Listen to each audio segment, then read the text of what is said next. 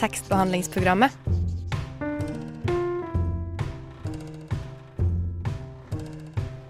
Tekstbehandling på radio.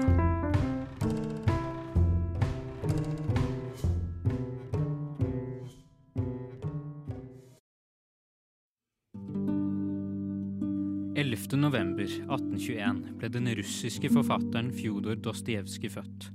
En forfatter som, med det skrevne ord, utforsket den menneskelige psykologi i realistiske romaner, og skapte en ny dybde i sine litterære fremstillinger. For noen er navnet hans likestilt med lange, våkne netter for å komme til bunns i utallige ismer. For andre er han rett og slett en umulighet. I dag skal jeg, Erik Løveid og min medtekstbehandler Arthur Henriksen i forbindelse med Dostojevskijs 200-årsjubileum prøve å forstå mer om hvorfor han, så mange år etter sin fødsel, fortsatt er en viktig forfatter. Velkommen, Arthur. Tusen, tusen takk. Jeg gleder meg veldig til å snakke litt om uh, vår, vår Fio-bror. ja, det er, det er, han. Og så er det veldig hyggelig å være studio, i studio med deg for første ja. gang. Ja, det er på tide, syns ja. jeg. Det er absolutt på tide. For å bare stille det standardspørsmålet, hva betyr han for deg? Hva betyr Dostojevskij for deg? Det han betyr for meg så langt, er uh, ca. 650 sider med lidelse og kanskje fem med blekt håp. jeg, har lest, jeg har lest uh, 'Forbrytelse og straff', som vi skal prate en del om i dag. Men det Altså, han har vel kanskje vært en sånn forfatter jeg på en måte har hatt lyst til å lese ting av, og så har jeg på en måte brukt litt tid på å gjøre det. Men uh, uh, ja, egentlig har han bare vært en, uh, ja, en, forfatter som jeg ønsker å lese av, og som jeg ikke klarer å skrive. Ja, det er jeg helt enig Det er jo? Det er jo både på engelsk en stavmåte, og så har du norsk eller nordiske stavmåter, og så er det liksom tusenvis av stavmåter der. Så ja, jeg ser den. Og uh, Dostojevskij for meg var han vel først bare et navn. Altså, du hører mange forfattere, du har liksom ikke lest noe om dem, eller lest noe av dem, og så plutselig så, så finner du at å ja, shit, disse bøkene er faktisk ganske interessante. Og sånn var det litt for meg, for nå kom litt egenreklame fra tekstbehandlingsprogrammet, for vi hadde en Russland-sending for omtrent et år siden, som jeg anbefaler folk å høre på, som også finnes på Spotify, og der så gikk vi litt igjennom da russisk, russisk litteratur, og blant dem var Dostojevskij selvsagt veldig stor. Og i dag så har vi jo litt vi skal igjennom. Nå skal det jo sies at hans 200-årsjubileum var i november, men pga. litt korona og litt sånn alminnelig eh, hverdagslig usikkerhet, så valgte vi å ta sendingen nå. Det vi blant annet skal gjøre i dag, eh, det er eh, et intervju som jeg gjorde med førsteamanuensis ved Universitetet i Oslo, Audun Mørk, om Dostojevskij. Og faktisk ikke, som man skulle tro, de dystopiske sidene, men de utopiske sidene ved hans forfatterskap, eh, som var veldig interessant. Og så skal vi høre fra Julia, som faktisk var på eh, Dostojevskij-festivalen. Og Arthur, hvor mye skulle du ønske at du var der? Uh, uh, uh, 80 av 100. 80 av 100. 80 av 100. Det er faktisk det er ikke så ille. Nei. Nei. Det høres ut som en utrolig opplevelse, så jeg gleder meg å høre litt fra det. Men aller først så skal vi gå til vår eh, vanlige spalte, hvor vi kommer med anbefalinger. Og denne gangen er anbefalingene litt mer rettet mot sendingens tema. Hallo, mitt navn er Knut Nærum, og du hører på tekstbehandlingsprogrammet. Jeg går i hvert fall ut fra at du gjør det. Og Arthur, hva er ukas anbefaling? Uh, vår anbefaling denne uken, det er at uh, alle dere uh, lærer litt om forbrytelse og straff. Så nå er det bare å stikke ut i omverdenen og stjele ting og komme i fengsel og sånn. Nå er det bare å kjøre på. Nå er det bare å Nei, det er forbrytelse og straff, naturligvis. kanskje Dostojevskijs mest kjente, kjente, litterære verk, som er uh, ukens anbefaling. Mm. Ja, og uh, kort bare, hva er den handler om? Altså, den handler jo om uh, en russisk eks-student ved navn Rodion Raskolnikov.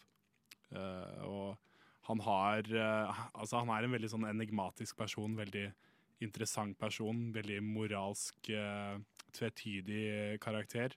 Eh, ja, spoilers. som eh, finner ut at det er innenfor hans rett å begå mord på en eh, kvinne som bedriver et sånt slags sånn pante, pantebutikk. Og det vi går igjennom i forbrytelse og straff, er jo bare det som på en måte foregår med Raskolnikov som følge av denne handlingen hans. helt, ja, helt fram til uh, Helt fram til slutten av romanen så er det det som er hovedtema, og det er veldig mange sub, subtema, eller subplott også, som uh, inngår i boka. Uh, veldig mye med familien hans, som er ganske sånn innvikla, Ja, og det er jo Tror jeg Det er jo det som gjør egentlig boka veldig interessant. At det på en måte er ikke bare han som Det hadde jo forstått vært litt interessant i seg selv, da, bare liksom høre på hans tankegang og hvordan han på en måte rettferdiggjør øh, mordet, og på noen tidspunkt så er han jo ganske tilbøyelig til å si til alle, eller si til øh, hvem som helst, egentlig, at det var han som begikk mordet. Men øh, det er disse subplottene som også er litt interessante, syns jeg. Uh, og det er veldig mye I boka så er det også mye symbolikk. Og det jeg syns var veldig interessant, som jeg husker veldig godt fra boken, det var hans Hvordan skal man si det? Beundring eh, overfor Napoleon. Hvis du husker det? Ja, ja, ja. Det Altså, han eh, har jo eh, Raskolnikov, han eh, begår jo ikke det. Altså, Raskolnikov anser jo seg selv som en slags Napoleon, eller han tror i hvert fall at han er det. Eh, og det er jo litt av denne grunnen han tror at han på en måte får retten til å begå mord, fordi han anser at eh, enkelte ekstraordinære mennesker i verden tar retten. Eh, og Napoleon anser Raskolnikov eh, for å være et av disse menneskene. Det er veldig interessant hvordan han rettferdiggjør mordet sitt ved å bare si rett og slett at ja, det er noen som bare tar den retten. Og jeg vil jo si at hovedpoenget i boka er på en måte at Raskolnikov finner ut at han er et bedre menneske enn det han egentlig trodde at han var. Fordi at han antar når Han driver jo og planlegger det mordet her en liten stund. Ikke, man bruker ikke så mye tid på det i boka, egentlig. Man går ganske sånn kjapt, kjapt til at eh, hovedkarakteren bare har drept to helt uskyldige kvinner, egentlig. Ja, men det er vel litt uklart om det faktisk var mord, var det ikke det? Eller at han skal gjøre Han skal gjøre noe forbrytersk eller noe forferdelig. Og så til slutt så finner han vel ut at jeg skal drepe. Ja, ja det, det, det blir vel på en måte tydeliggjort i, en, uh, i et kapittel i boken. Jeg husker ikke akkurat når det er, men han overhører noen som prater om den samme dama, si sånn Ja, noen skulle bare drept henne. Hun, Ja. hun, er, ikke til, hun er ikke bra for noen, liksom. Og da på en måte bekrefter det her liksom alle de Han dreper også en usky, liksom, i gåstegn eh, en annen uskyldig person, søsteren til uh, hun som driver den derre uh, pantebutikken, bare for at hun tilfeldigvis kommer hjem. Hun, han hadde egentlig ikke tenkt å drepe henne. Nei. Men så finner han vel også ut på et tidspunkt at han, når han innrømmer alt dette til Sonja, så Mm. finner han vel også ut at han ikke var At han ikke er en Napoleon, på en måte. At han bare er uh, et vanlig menneske Mm. Lider under eh, skyldfølelsen av å ikke av å ha løyet og fortalt usannheter og faktisk drept noen. Selv om han på en måte er en person som eh, absolutt er Han er kanskje ikke lavest på rangstigen, det er han ikke, men han er, jo ikke, han er ikke akkurat høyt oppe. Han er jo en dropout. Han er en eh, litt sånn litt høyt ego og litt lite å vise til. Han er, defin han er definitivt en narsissist, men på en måte Som du sier, han, han begår jo det drapet. I, han innrømmer det jo til slutt. Ja. Han, han prøver jo ikke å flykte fra det i, under hele boken. Ja, Raskolnikov finner jo ut at han ikke er en Napoleon når Ja. han begår de mordene. Det viser jo til alle de der innrømmelsene av at han faktisk har, har gjort det. Uh, og det, uh, som du sier, han blir veldig lei seg, eller han, han føler seg jo veldig skyldig. Men på en måte en annen kilde til hans misnøye eh, med verden er jo at han innser at teorien hans om at det finnes ekstraordinære mennesker som på en måte kan begå eh, handlinger som er eh, ja, som mord, da, for eksempel, og at det ikke kommer til å ha noen innvirkning på dem. Det blir jo motbevist når det viser seg at han, er, at han føler seg veldig skyldig etter at han har gjort det. Så Ja. det ødelegger på en måte teorien hans om at han faktisk er en ekstraordinær person. Uh, og det føler jeg liksom Det er det boka på en måte uh, ikke ebber ut i, men det er det boken på en måte avslutter med. At han blir sendt til, til fengsel, og at han liksom inn, At han innser uh, At han innser at det kan finnes verdi i å være et relativt ordinært menneske. Og som du sier, han er jo ikke han er ikke fra en høyere rangstige eller noe sånt. Han er jo en, er jo en smart person, men han er jo sagt, han er jo som sagt en dropout. Han jo, og han er jo fattig og bruker pengene sine på alkohol og ja, veldig sånn ja.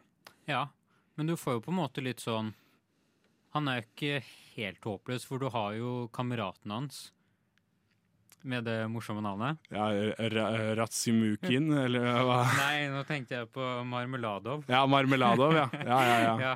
Det er for øvrig det eneste det navnet jeg husker sånn uten å måtte tenke meg veldig nøye om. Men ja, også en av de som lider under eh, I denne historien, som er alkoholiker og som drikker bort alle pengene til familien.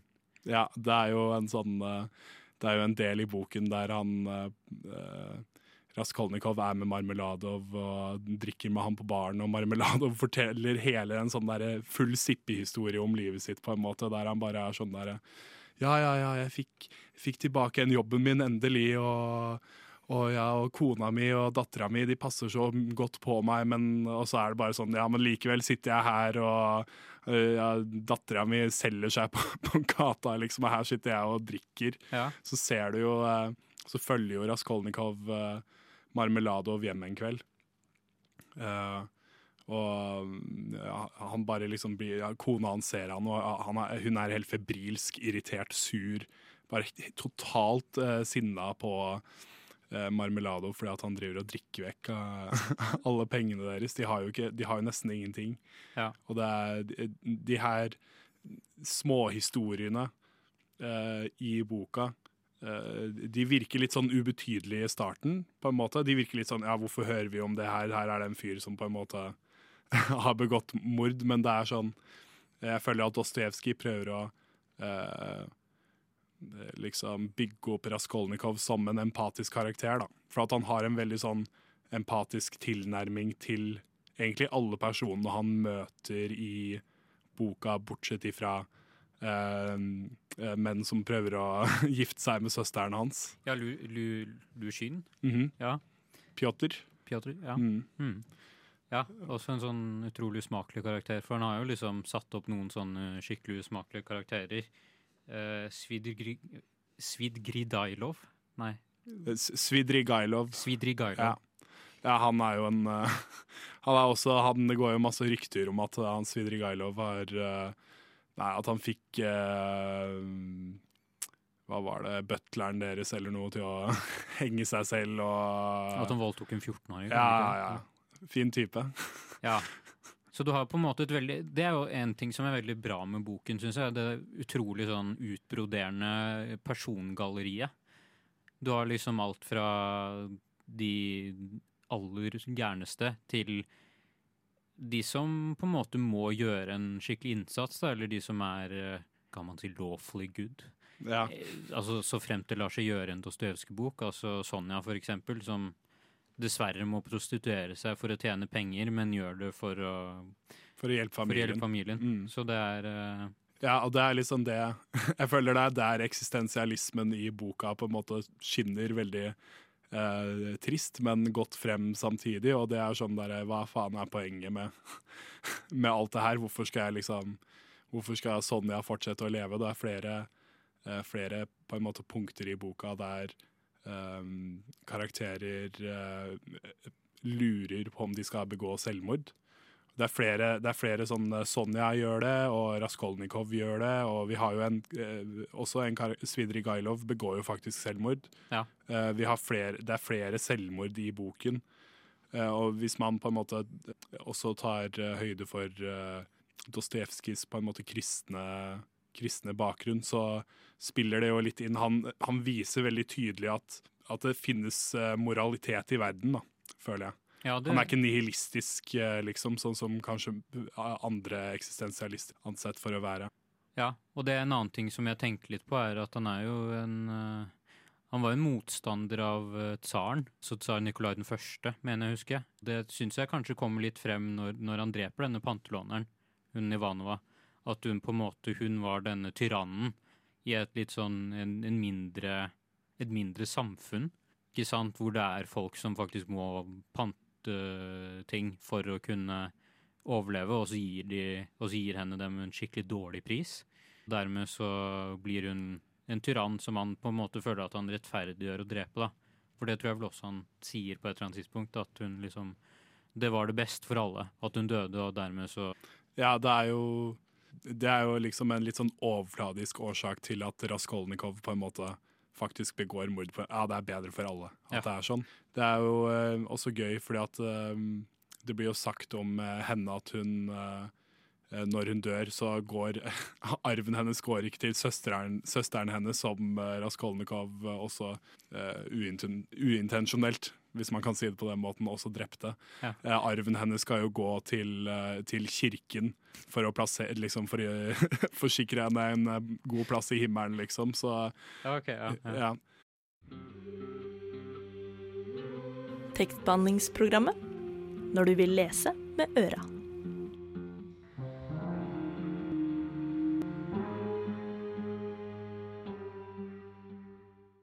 Eh, For jeg syns jo hans forbindelse til Napoleon var veldig spennende. Mens du hadde en hendelse i boken som du Som jeg ikke egentlig har tenkt så veldig mye over, men som du syns var eh, eh, Ja, som du eh, Ja, jeg, det var én hendelse i boken som du syns var veldig interessant. Uh, hva var det? Ja, den Det er egentlig på en måte en ikke så veldig Det er ikke en veldig Det er ikke en del av boken som på en måte har noe å si for plottet i det hele tatt. For at det er bare Det er helt i starten av boken, eh, mens eh, Raskolnikov eh, Han ligger vel ute i, i, i parken eller noe sånt, tror jeg, og sover, og han drømmer.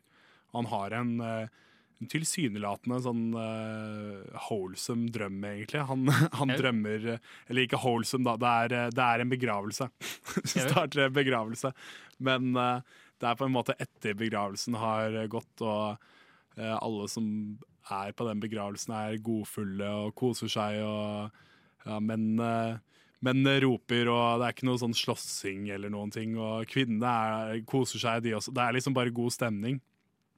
Og så skal de, de skal flytte på seg fra der den derre after Jeg vet ikke, den waken blir Jeg vet ikke hva slags eh, ord jeg skal bruke på norsk, men der det blir holdt. Nachspiel? Nei. Ja, ikke, det er, Jeg tror ikke det er nachspiel på en begravelse. Nei. ikke. Søren. Det var Men- teit, men ja, ja. Bare, men, men ja. Nach. eh, ja, eh, vi kan si det. Eh, de skal flytte seg fra et nach til et annet nach, kan man si, etter begravelsen. Og så er det liksom Han ene fyren som er i den begravelsen, eier en hest. Det er en gammel hest, liksom. Det er en helt utslitt hest. Og, og Raskolnikov drømmer jo det her, og han mannen sier sånn Ja, den, den hesten her skal vi få til å, til å løpe i 50 km i timen med full vogn, liksom. Og så er det bare sånn Å, ha-ha, alle ler, og den hesten der har jo ikke har jo ikke Ja. Det er jo 1700-tallet da den der kunne løpe sist, liksom. Det er jo lenge Det er jo helt utslitt. Og det er veldig komisk, men så på en måte begynner bare han eh, personen som eier hesten å bare fylle opp vogna med mennesker. Fyller opp, uh, Dostojevskij skriver det, ja, det er en veldig overvektig dame som går oppi der, og masse menn, og fyller den opp, og så står han bare bak hesten på vogna og liksom pisker hesten til å få han til å løpe. Nå skal du faen meg Nå skal du løpe! Løp, da! Løp, de gamle vrak. Og de, den hesten, den klarer jo ikke. Den, den, den faller jo om. Og det, er, det blir se, liksom den scena blir bare mer og mer sånn deprimerende og forferdelig. Og det ender jo opp med at uh, han mannen som eier hesten, bare slår hesten til døde, rett og slett. For at den ikke klarer å løpe i 50 km i timen. Det er helt absurd, forferdelig, og det er så Den scenen den tok meg så utrolig på senga da jeg leste det, for at det var så komisk i starten, og så ble det bare alt på en måte bare omvendt til et sånn veldig mørkt, eh, mørkt øyeblikk. Og det her, var, det her er tydeligvis eh, det mordere drømmer om, da. Så Ja. det, ja. Og spesielt, for han hadde vel også drukket lite grann, eller i hvert fall en del vodka, mener jeg å huske. Og så hadde han sovna i en busk, og så Ja. drømte han dette her. ja det, det stemmer. ja, ja, ikke sant. Nei, men eh, kanskje Jeg vet ikke om det er så lett som at han var tynget av alle tankene sine, og så var det han som var hesten, og så tenkte til slutt så må han gi tapt. Mm. Jeg vet ikke. Det er, eh, det, er, det, er, det vil jeg definitivt anse som en, en god analyse. OK, ja ja. Det, ja. Han sier jo det et gang i boken, sånn jeg, jeg tror han sier det til Sonja, Uh, at han, han, han booket ikke for eh, Jeg booket ikke for eh, deg, jeg booket for eh, menneskehetens lidelse. eh, Gjort. Ja, Det er sant, det det. er, Ja. eh, kan ha store implikasjoner. ja, absolutt. Ja. Boken er absurd. Den er spennende. Den har mange forskjellige uh, karakterer. Og den er sånn passe lang, vil jeg si. Det er liksom sånn, det er liksom ikke, det er ikke en murstein, men det er heller ikke altfor tynn. Og den vekker følelser. Mm. Altså, hva mer trenger man, på en måte? Den er, det er jo egentlig den perfekte bok. Ja, det er definitivt en av de beste bøkene jeg har lest. Ja. Og ja, den Ja, i den så uh, er ikke Dostojevskij redd for å eh, analysere noe aspekt på en måte ved den menneskelige eksistensen. Og jeg syns han gjør det på interessante og dystopiske måter. Så alt i alt tommel opp. Yes. for Bo. Så Arthur, utopi og Dostojevskij, syns du at de to årene egentlig hører noe sammen? Jeg tenkte ikke det før jeg hørte intervjuet ditt med Audun Mørk. Nei, det gjorde ikke jeg heller, men det er det vi skal høre på nå.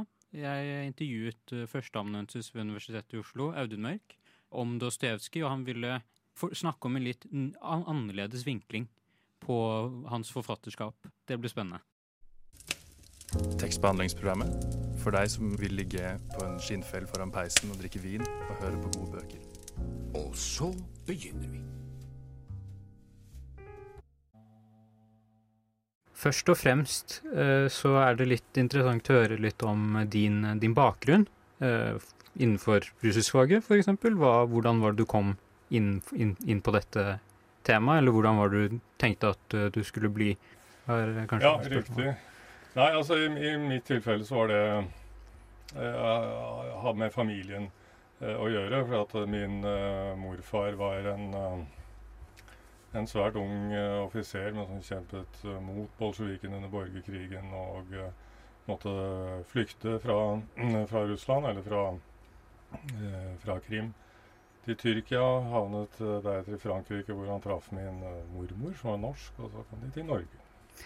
Og du har jo da drevet med litt forskjellig av forskning, stemmer ikke det, innenfor eh, russisk litteratur?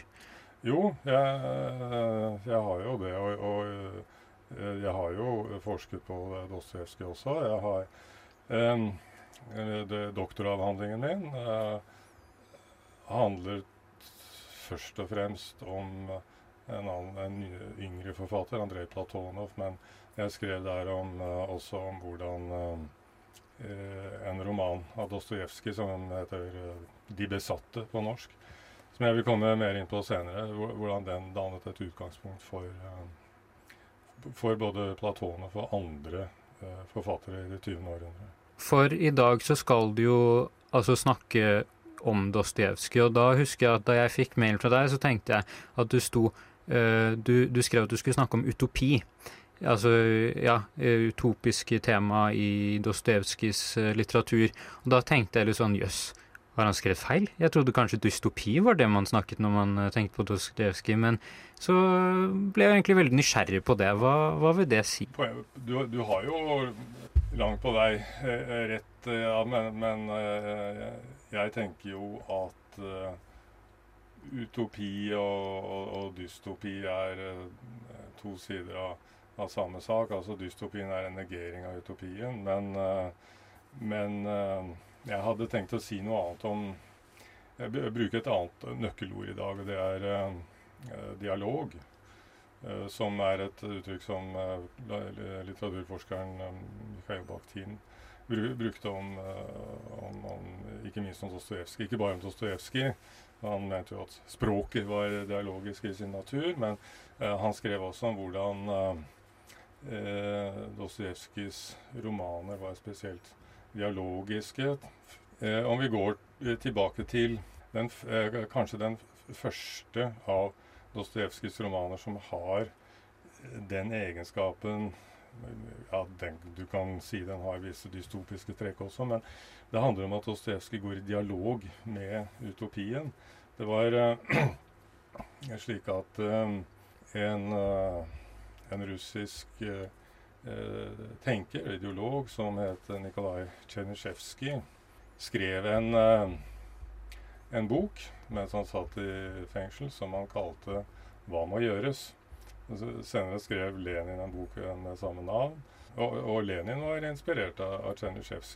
Men Dostojevskij ble litt ble redd da han leste dette her. Og det, det er ganske merkelig, kan man si, i utgangspunktet, men, men uh, Dostojevskij hadde eh, sine grunner for det.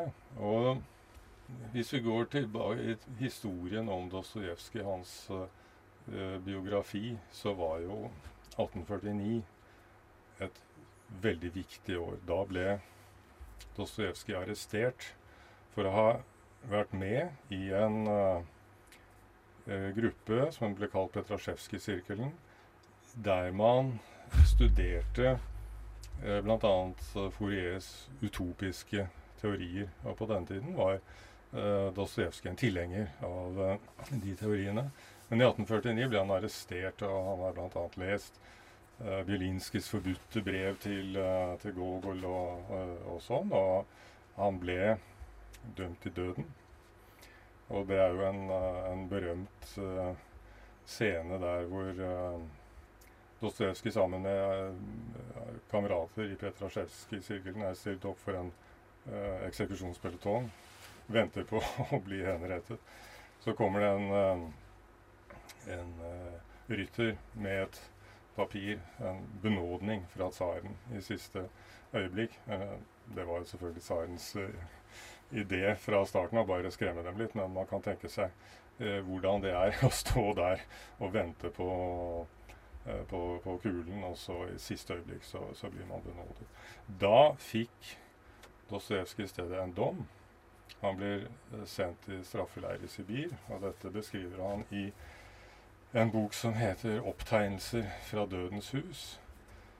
Der beskriver han sine opplevelser i, eh, i fangeleiren. Og det som er interessant her, hvis vi sammenligner den boken med en annen uh, bok som også heter opprinnelig- originaltittelen har ordet o- opptegnelser, eller zapiski. Men det er den som på norsk kaller kjellermenneske. Kjellermenneske er et svar på Tsjernisjevskijs bok 'Hva må gjøres'. Og det Tsjernisjevskij skriver der, og vitner om at han har en klokkertro på at mennesket er rasjonelt og godt innerst inne. Og Tsjernisjevskij tror at hvis man bare får menneskene, de som bestemmer i samfunnet, bedriftseierne, politikerne, til å innse at det er i, de, eh, i deres egen interesse å behandle folk godt. F.eks. en bedriftseier. Hvis han behandler sine arbeidere godt, så vil de også yte bedre. Og da vil denne bedriftseieren gjøre det, mener Tsjernysjevskij. Fordi eh, han tror at mennesket er rasjonelt. Og er det dette som skremmer Dostojevskij? Ja, fordi han eh, har, vært, har denne erfaringen fra fangeleiren, og han vet at mennesket er ikke rasjonelt. Ikke, I hvert fall ikke bare rasjonelt. Og dessverre, mennesket er ikke nødvendigvis godt på bunnen. For han har levd i flere år med kriminelle, og han har i fangeleiren ma Mange i disse fangeleirene var jo politisk eh, fanger, sånn som Dostojevskij var selv, men, men, der var det også kriminelle. Og det som går frem av eh, opptegnelser fra Dødens hus, er at eh, mange av disse medfangene som man snakker med, har begått forbrytelser. Forferdelige forbrytelser, men det er ofte helt irrasjonelle motiveringer, motivasjoner, motiveringer bak dem. Folk som har drept eh, eh, koner, en som har drept faren sin. Helt, og, og er, samtidig er det ofte intelligente mennesker som har gjort dette. Men, men, det er gjort idiotisk ofte på en sånn måte at de måtte forstå at de måtte bli tatt, osv. Så, videre, og så, så Så han sier at det, nei, det, hvis man bygger et system på at mennesket er rasjonelt, og kanskje godt, da vil det nødvendigvis gå galt. Eh, det var det han forsto. Og han går direkte i dialog med, med, med Tsjenisjevskij. Og han øh, sier f.eks. at eh, han hater regnestykket to ganger to er fire. Regnestykket to ganger to er fire, det er for denne personen en, en type fengsel. Det er naturlovene, det er logikken som han ikke liker. han sier han, han foretrekker eh, regnestykket to ganger to er fem. For det syns han er mer sjarmerende uh, og morsomt. ok, Så han foretrekker en slags ubalanse? Det handler om frihet. Frihet, ja, Det handler om frihet til å si 'jeg foretrekker uh, to ganger to er fem'. På tide å skru på tekstbehandlingsprogrammet. Yndlingssykkelen de siste seks-sju månedene er en enhjulssykkel. Vi har Marie Eibert på besøk. Jeg og Eline. Marie og Bær. Marie og Bær. Jeg tenker alltid at en T slutter med ø, h, h, h, h, utropstegn, utropstegn. Det er bare tekstbehandlingsprogrammet. Nei, det var ikke så mye å si. Utopiske aspektet, er det bare rett og slett den friheten? Utopien er jo egentlig Tsjenisjevskijs.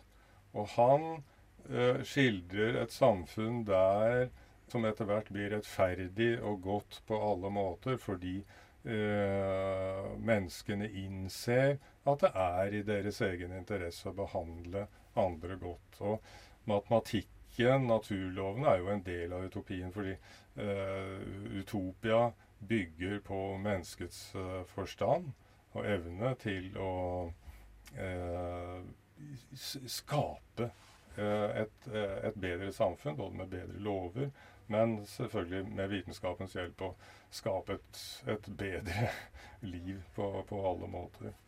Men, eh, men eh, Dostojevskijs idé, som han ser, er at hvis vi begynner å tilbe denne rasjonaliteten, og, og det er jo et veldig viktig moment her, at Dostojevskij i løpet av sin tid i fangeleiren ble kristen, han ble religiøs. Han fikk i gave et Nytestamente, leste det, og ser på den kristne religionen som ja, frelsen, altså. Den må Han, eh, han sier at eh, om han måtte velge mellom sannheten og Kristus, så velger han, så velger han Kristus. Eh, Ok, han blir religiøs. Ja. Ja, ok, han innser da at det som er rasjonelt og det som er religiøst, ikke har noe med hverandre å gjøre. Det kan du nok si, eh, at eh, at eh, kristendommen, at Herren sender sin enbårne sønn for å frelse oss Det er jo ikke rasjonelt. Nei, egentlig ikke. Nei. Så eh, Det kan godt hende du har rett i det, ja. Ja.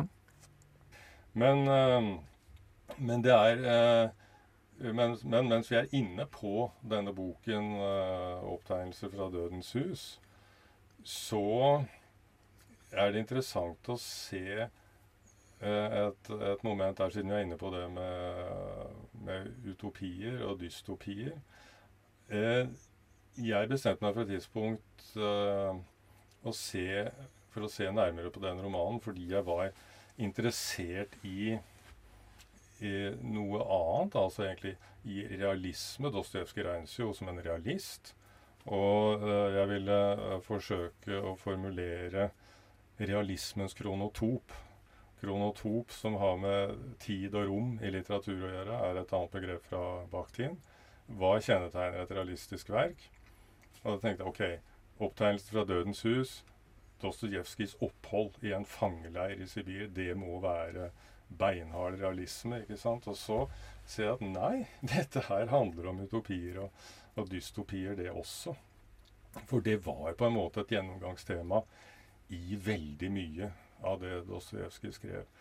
Først så sier uh, altså fortelleren i den boken, som ikke er Dostojevskij selv, men som er en mann som har tatt livet av kona si og derfor uh, havner i, i fangeleir. At man snakker om at Sibir er så forferdelig, det er så kaldt, det er så langt borte osv. Men nei. Um, i, Sibir er et fantastisk land. Det er ren luft, rene elver, uberørte skoger. Det er en, en, uh, en, en nærmest et paradis i naturen. Men i Sibir så ligger altså denne denne fangeleiren. Og det må vel være en dystopi. Uh, ja, uh, det er det. F.eks. Uh, uh, brakkene man bor i, lusete, muggende, muggent treverk. Alt dette er definitivt mange altså, dystopiske trekk der. Men så viser det seg at inni denne dystopien så finnes det også et lite utopia. Eller det fins flere små utopiaer, men f.eks. Uh, sykestuen. En fange på Dostojevskijs tid har rett til å erklære seg syk og gå på sykestua. Snakke med en lege. Og legene, i motsetning til fangevokterne selvfølgelig, er humane, gode mennesker. Og selv om legen utmerket godt forstår at denne fyren er ikke egentlig syk, ja, men han har lyst til å slappe av litt fra fra fengselslivet, så får han noen dager på sykestua hvor, hvor, han kan slappe av, kose seg litt, sove i en ordentlig seng og, og, og møte uh, hyggelige mennesker med utdannelse som en lege er, ikke sant? Men så er inni sykestua så er det også et lite dystopia.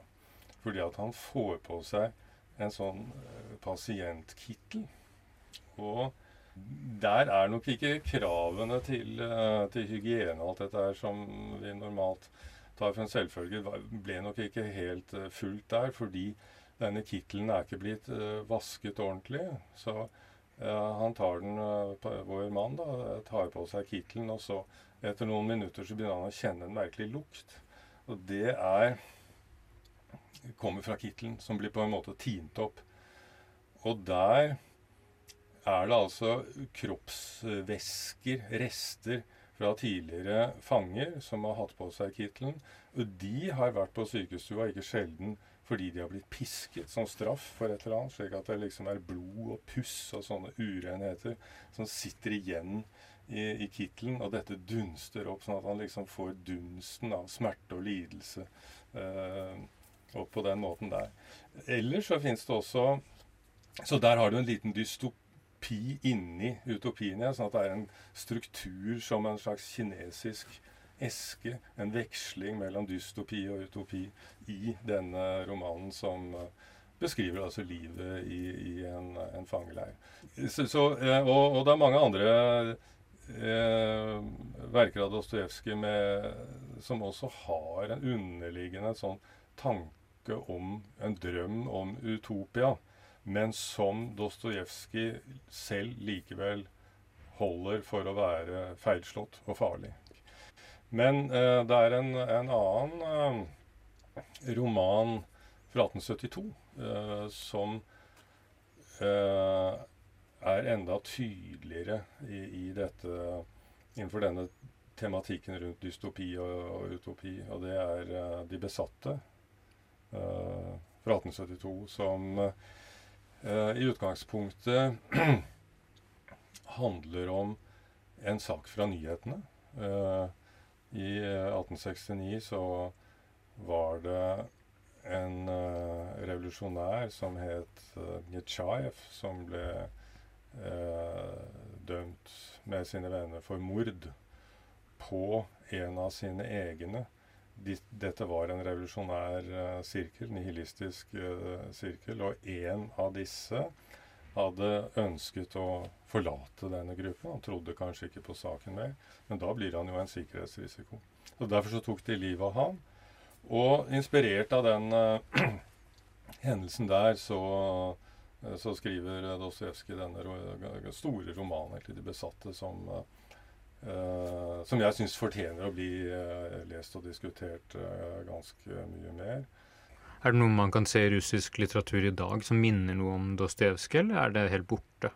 På en måte litt den måten han skriver på? Ja, det det er et uh, interessant spørsmål. Det vi hadde i hvert fall en uh, forfatter på uh, på 20-tallet som het Leonov, som er ganske godt kjent for den som er interessert i, i sovjetisk litteratur fra tidlig, tidlig 20. århundre. Og han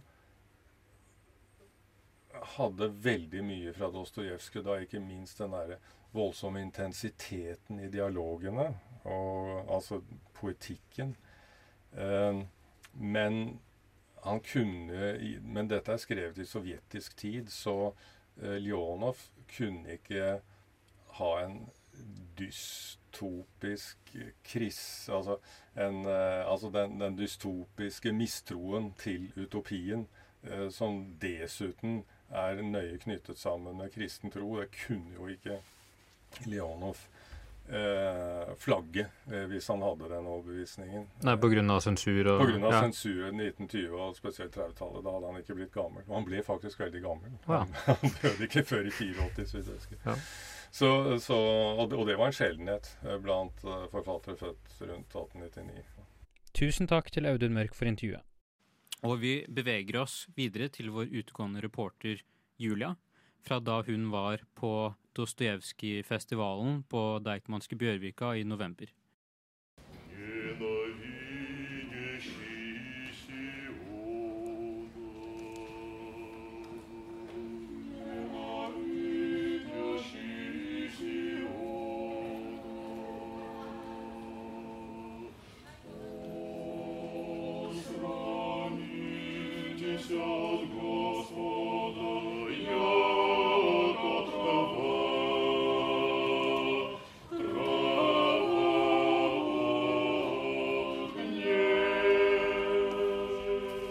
Utenfor de store vinduene har det rukket å bli mørkt, men inne er det varmt og lyst.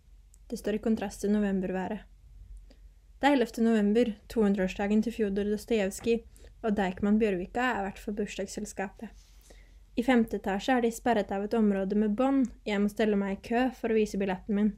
Foran meg står tre unge mennesker, de spør de Deichman-ansatte som tar oss imot, hva sjansen er for at det blir plass til dem. Selv om Deichman har lagt ut ekstrabilletter i tre runder, har Dostojevskij-festivalen blitt full. Mest sannsynlig er det noen som ikke møter opp, sier de ansatte vennlig. Det blir nok noen plasser ledige. Her inne er det stemningsfullt fra første stund. Jeg blir møtt av en blid danske som selger mat. Han står bak en stor gryte og roper kålsuppe, øl, vin, vodka, som det skulle vært en auksjon.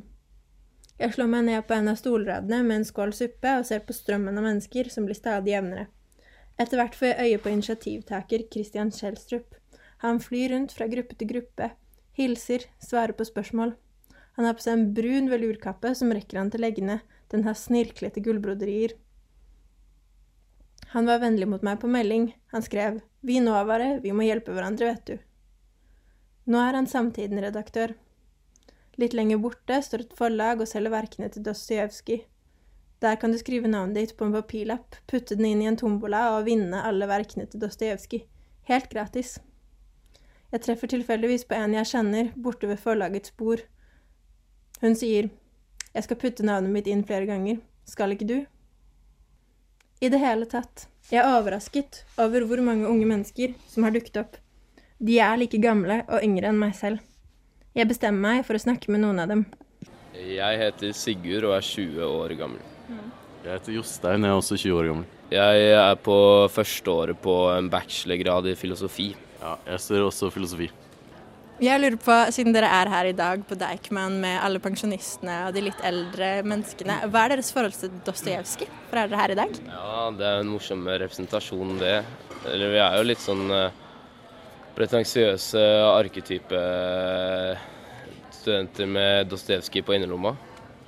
Mm, nei, det er, jeg har lest uh, det burde egentlig, jeg, har lest, uh, jeg har lest litt av Dostojevskij. Jeg ble, ble veldig fenga av det med en gang, egentlig. Ja, jeg, jeg har lest en del Dostojevskij. Mm. Og jeg bare digger han. Nei, det er jo den litterære stilen og tankene og jeg, jeg, Det er utrolig vanskelig å si noe så snevert.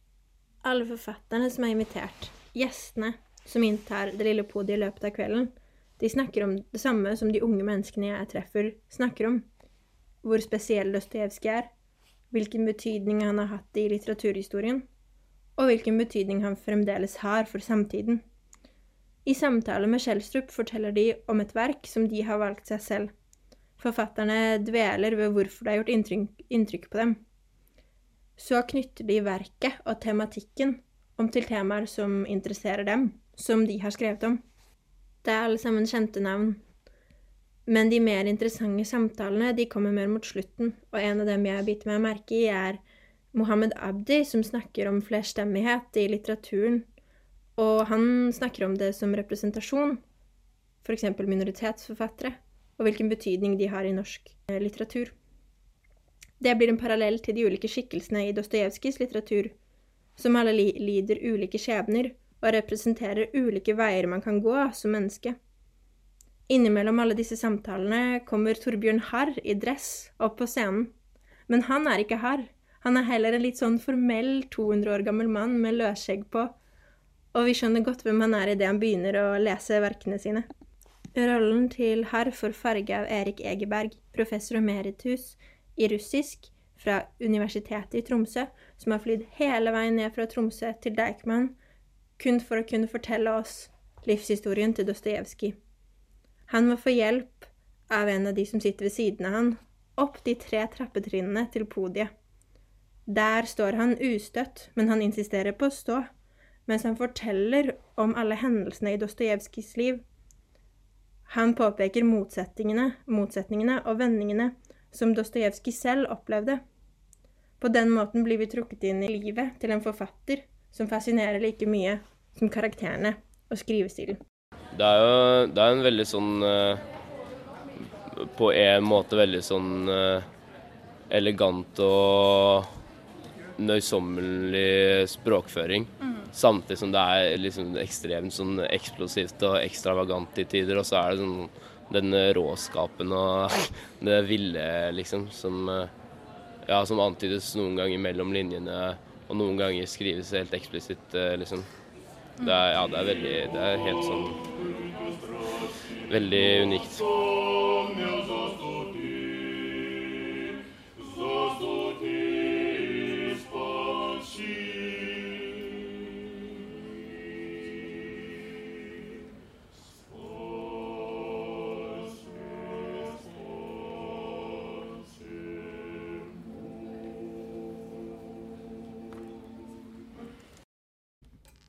En, to, tre.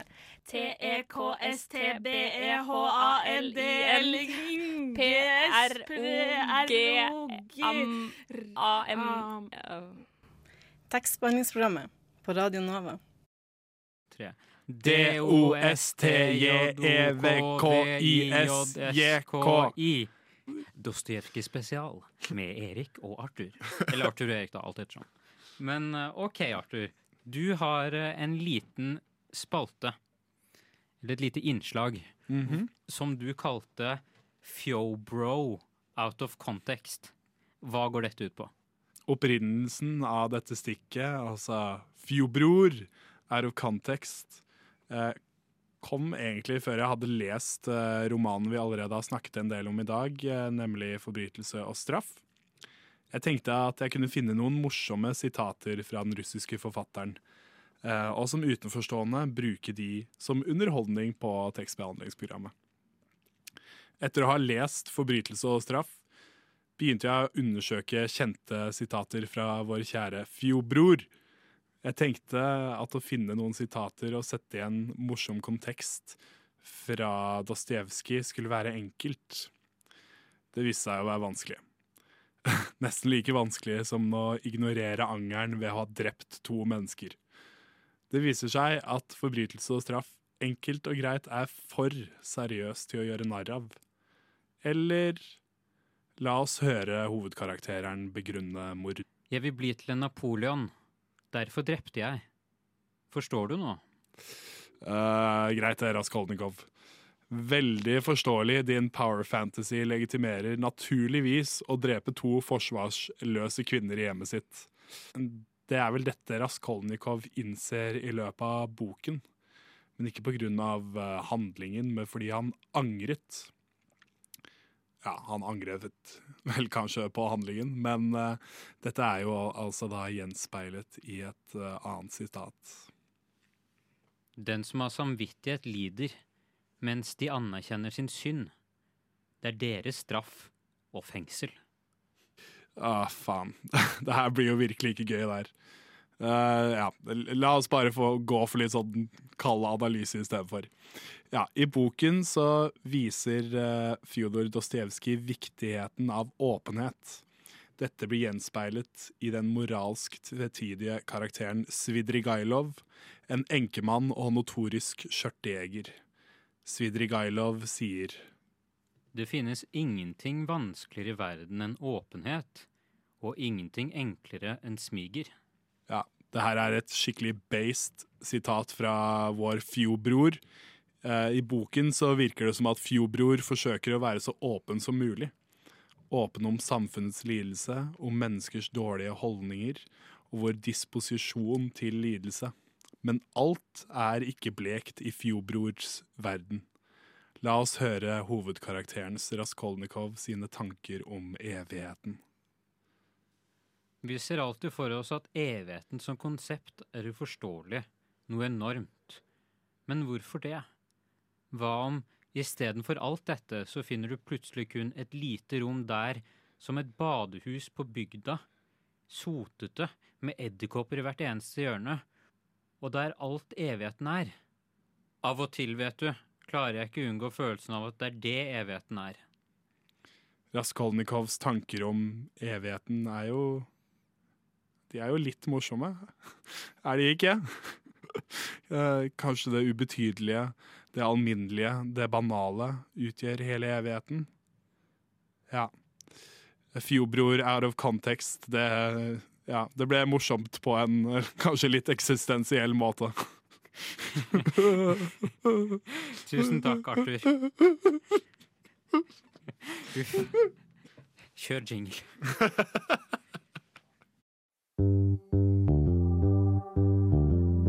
Siri? Jeg er din assistent. Hører du på tekstbehandlingsprogrammet? Selvsagt. Gjør som Siri. Hør på tekstbehandlingsprogrammet.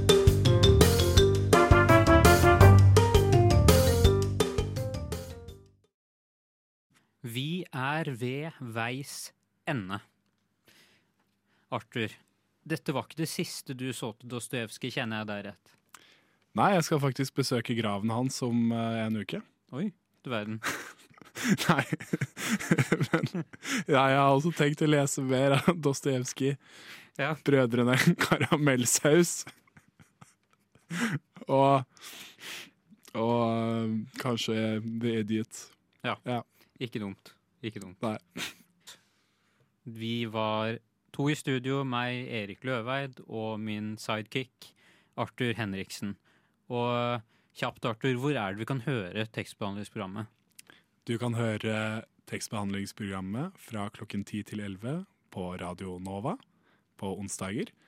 Eh, og du kan høre oss på forskjellige streaming services som Spotify, eh, Apple Podcasts og assortert.